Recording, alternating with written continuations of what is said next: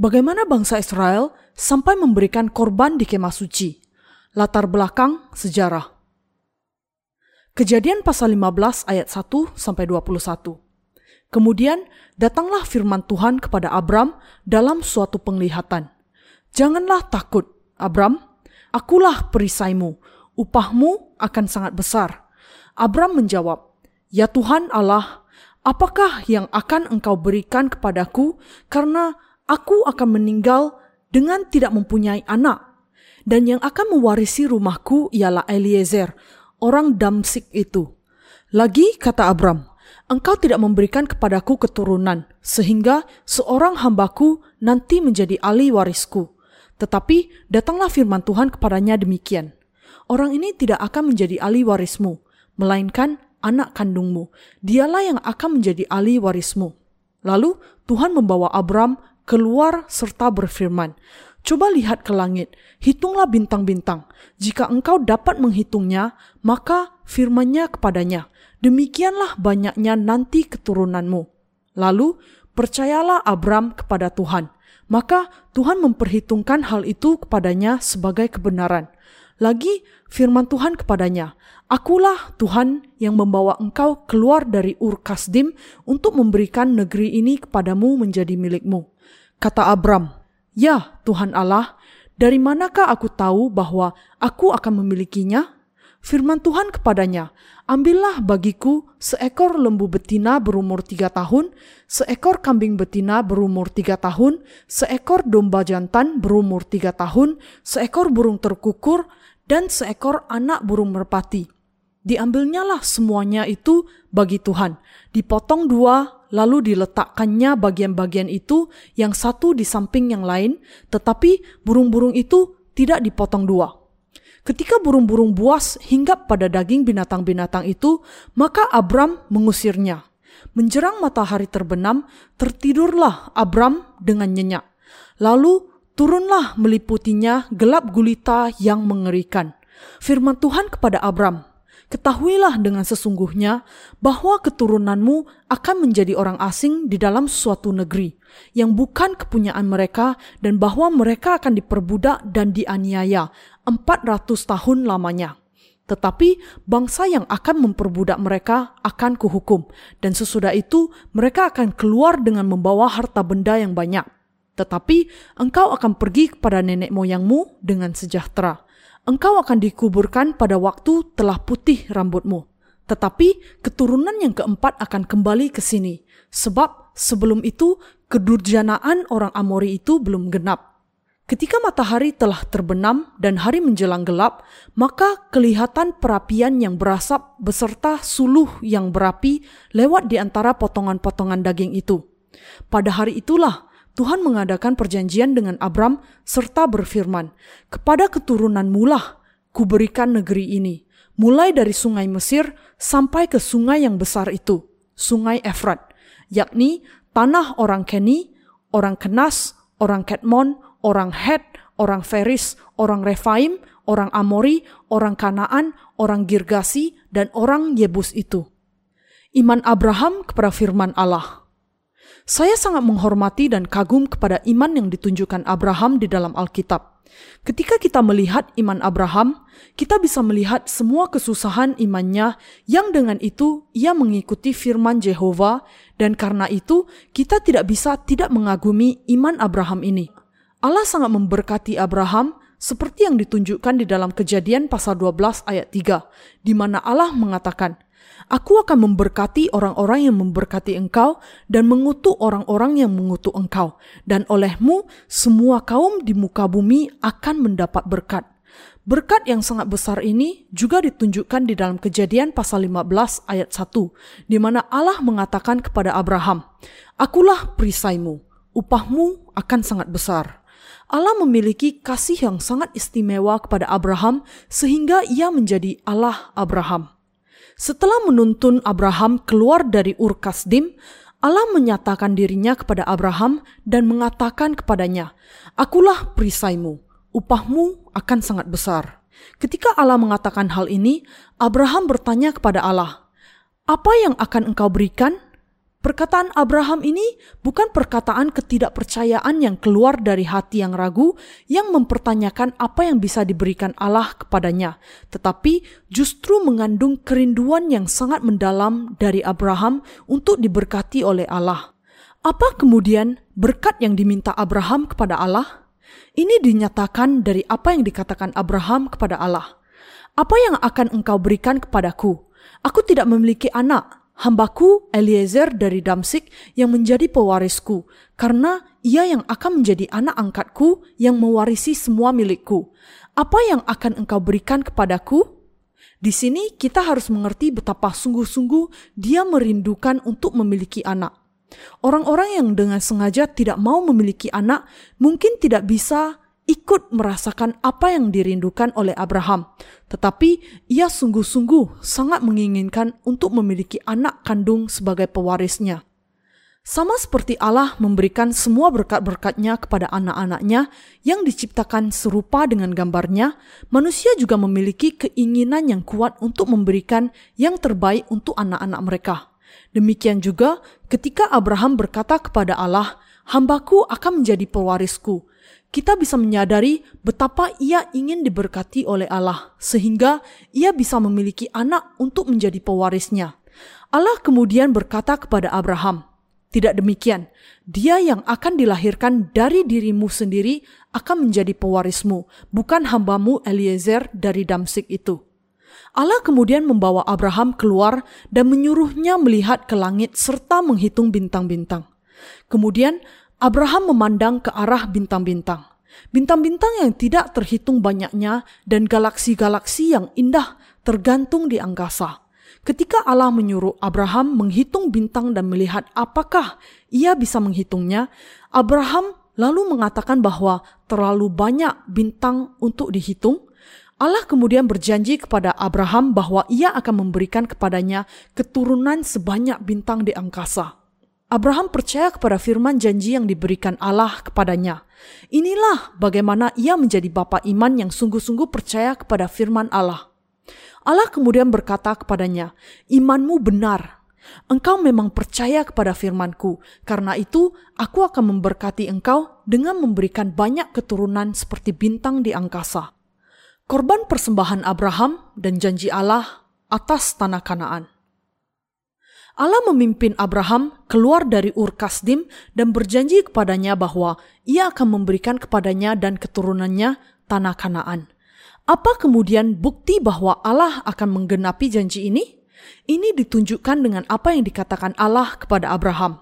Bawalah kepadaku seekor lembu betina berumur tiga tahun, seekor kambing betina berumur tiga tahun, seekor domba jantan berumur tiga tahun, seekor burung terkukur, dan seekor anak burung merpati.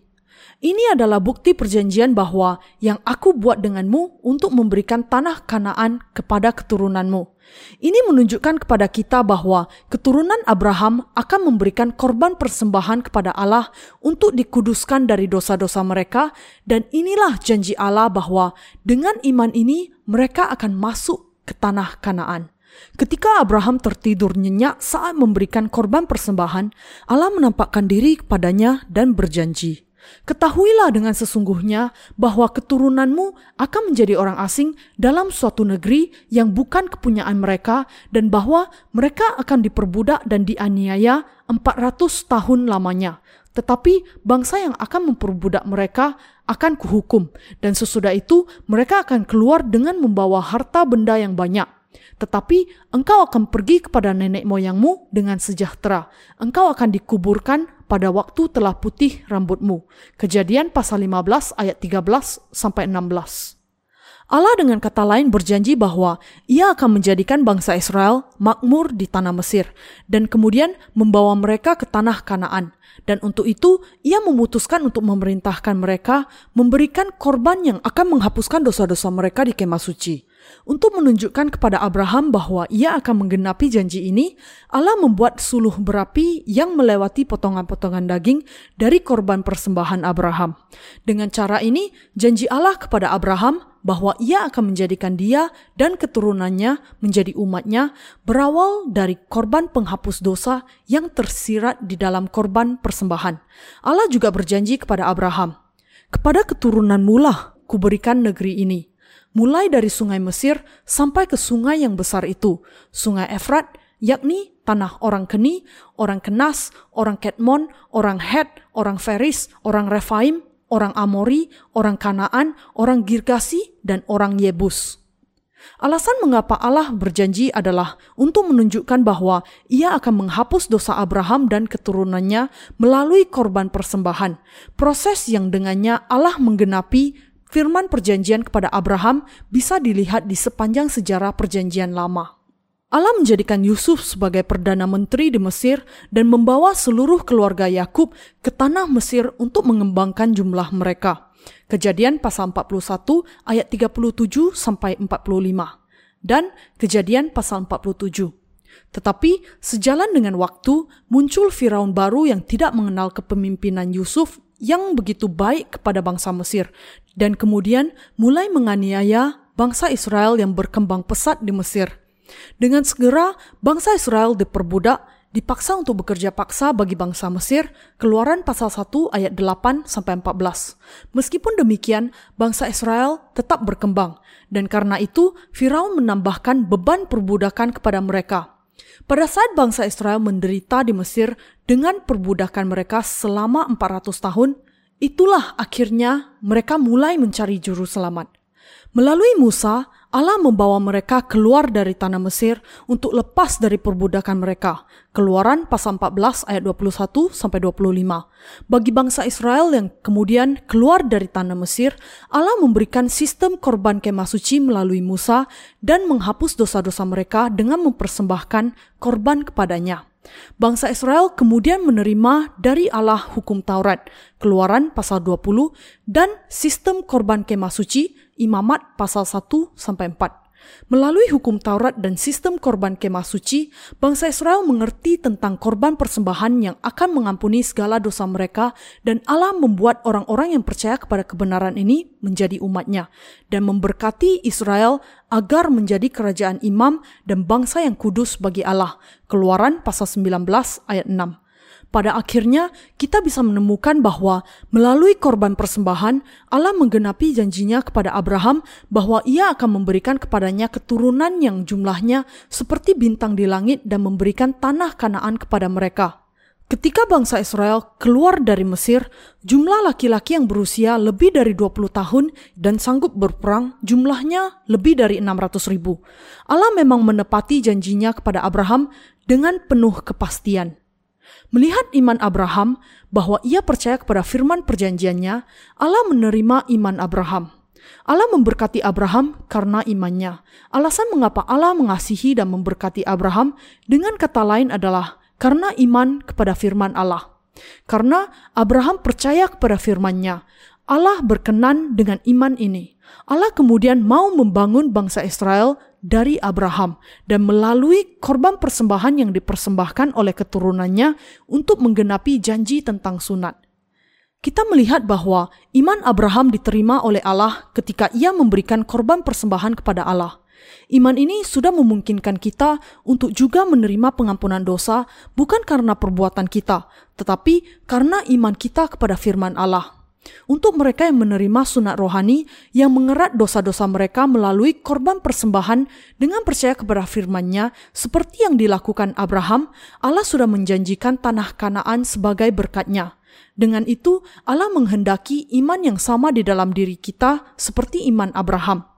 Ia ingin agar Anda dan saya saat ini menerima pengampunan dosa ke dalam hati Anda dengan percaya kepada firman-Nya, sama seperti Abraham dan dengan itu mewarisi kerajaan Allah. Allah Bapa menanggungkan segala dosa kita kepada Yesus Kristus melalui baptisannya dan membuat dia menjadi anak domba Allah bagi semua manusia. Dan Allah menghendaki kita percaya kepada kebenaran ini seperti Abraham. Ia menghendaki orang-orang yang percaya menjadi umatnya untuk selamanya. Allah menunjukkan kepada kita bahwa sama seperti Abraham sangat diberkati karena imannya kepada firman Allah, bahkan sekarang Anda dan saya juga bisa menerima semua berkat Allah dengan memiliki iman yang sama dengan Abraham. Allah memanggil Musa ke Gunung Sinai, memberikan kepadanya hukum Taurat dan sistem korban, dan memberkati orang-orang yang percaya kepada firman-Nya menjadi umatnya. Allah juga menjadikan kita umatnya melalui pengampunan dosa yang tersirat di dalam kemah suci, meskipun kita tidak bisa menaati hukumnya. Melalui iman kita kepada kebenaran yang dimanifestasikan di dalam kemah suci, Allah sudah memampukan kita untuk menerima berkat-berkat kekalnya. Dengan itu, kita semua harus menjadi umat Allah dengan percaya kepada kebenaran yang dinyatakan di dalam kemah suci ini. Hanya kalau kita percaya di dalam hati kita bahwa Allah sudah menunjukkan Yesus Kristus kepada kita dan memberikan keselamatan kita melalui kemah suci saja, kita bisa menerima berkatnya yang berkelimpahan. Sama seperti Abraham percaya kepada firman Allah, kita harus percaya kepada Allah berdasarkan firman-Nya. Abraham diberkati bukan karena perbuatan baiknya, tetapi karena imannya kepada firman Allah. Melalui hukum Taurat, Allah memampukan kita untuk mengenali dosa-dosa kita dan melalui sistem korban di kemah suci, Ia sudah memampukan kita menerima pengampunan dosa dengan menanggungkan dosa-dosa kita kepada korban persembahan yang tidak bercacat dan memberikan darahnya kepada Allah. Dengan cara yang sama, Yesus Kristus datang ke dunia ini menanggung segala dosa kita melalui baptisannya, dihukum untuk dosa-dosa kita dengan kematiannya di kayu salib, dan mengampuni segala dosa kita dengan bangkit kembali dari kematian. Segala dosa kita bisa diampuni dan kita menjadi anak-anak Allah hanya dengan percaya kepada kebenaran ini. Alkitab mengatakan bahwa hanya orang-orang yang percaya kepada kebenaran ini dengan hati mereka yang bisa menerima semua berkat Allah. Dengan percaya kepada firman Allah ini, kita harus menjadikan firman keselamatannya berkat yang paling berharga di dunia ini yang tidak bisa ditemukan di tempat lain di dunia ini menjadi milik kita.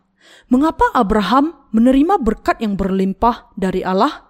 Ia diberkati karena ia percaya kepada apa yang dikatakan Allah kepadanya.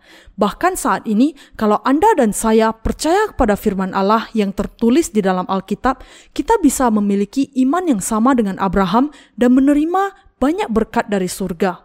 Ini bukan hal yang sulit untuk dilakukan. Kalau kita ingin memiliki bukti yang menunjukkan bahwa kita adalah umat Allah, yang harus kita lakukan bukanlah berusaha menyenangkan Allah dengan tindakan kesalehan kita, tetapi percaya kepada firman-Nya di dalam hati kita. Allah berjanji kepada Abraham dengan firman-Nya bahwa ia akan memberikan tanah kanaan kepada keturunannya. Kita semua yang hidup di zaman ini harus percaya bahwa keempat pelayanan Yesus yang dinyatakan dan dinubuatkan dengan kain biru dan kain ungu, kain kirmizi, dan dari lenan halus yang dipintal benangnya sudah menyelamatkan kita dari dosa kita. Dan dengan percaya kepada hal ini, kita harus menerima pengampunan dosa, menjadi anak-anak Allah, dan mewarisi kerajaan surga.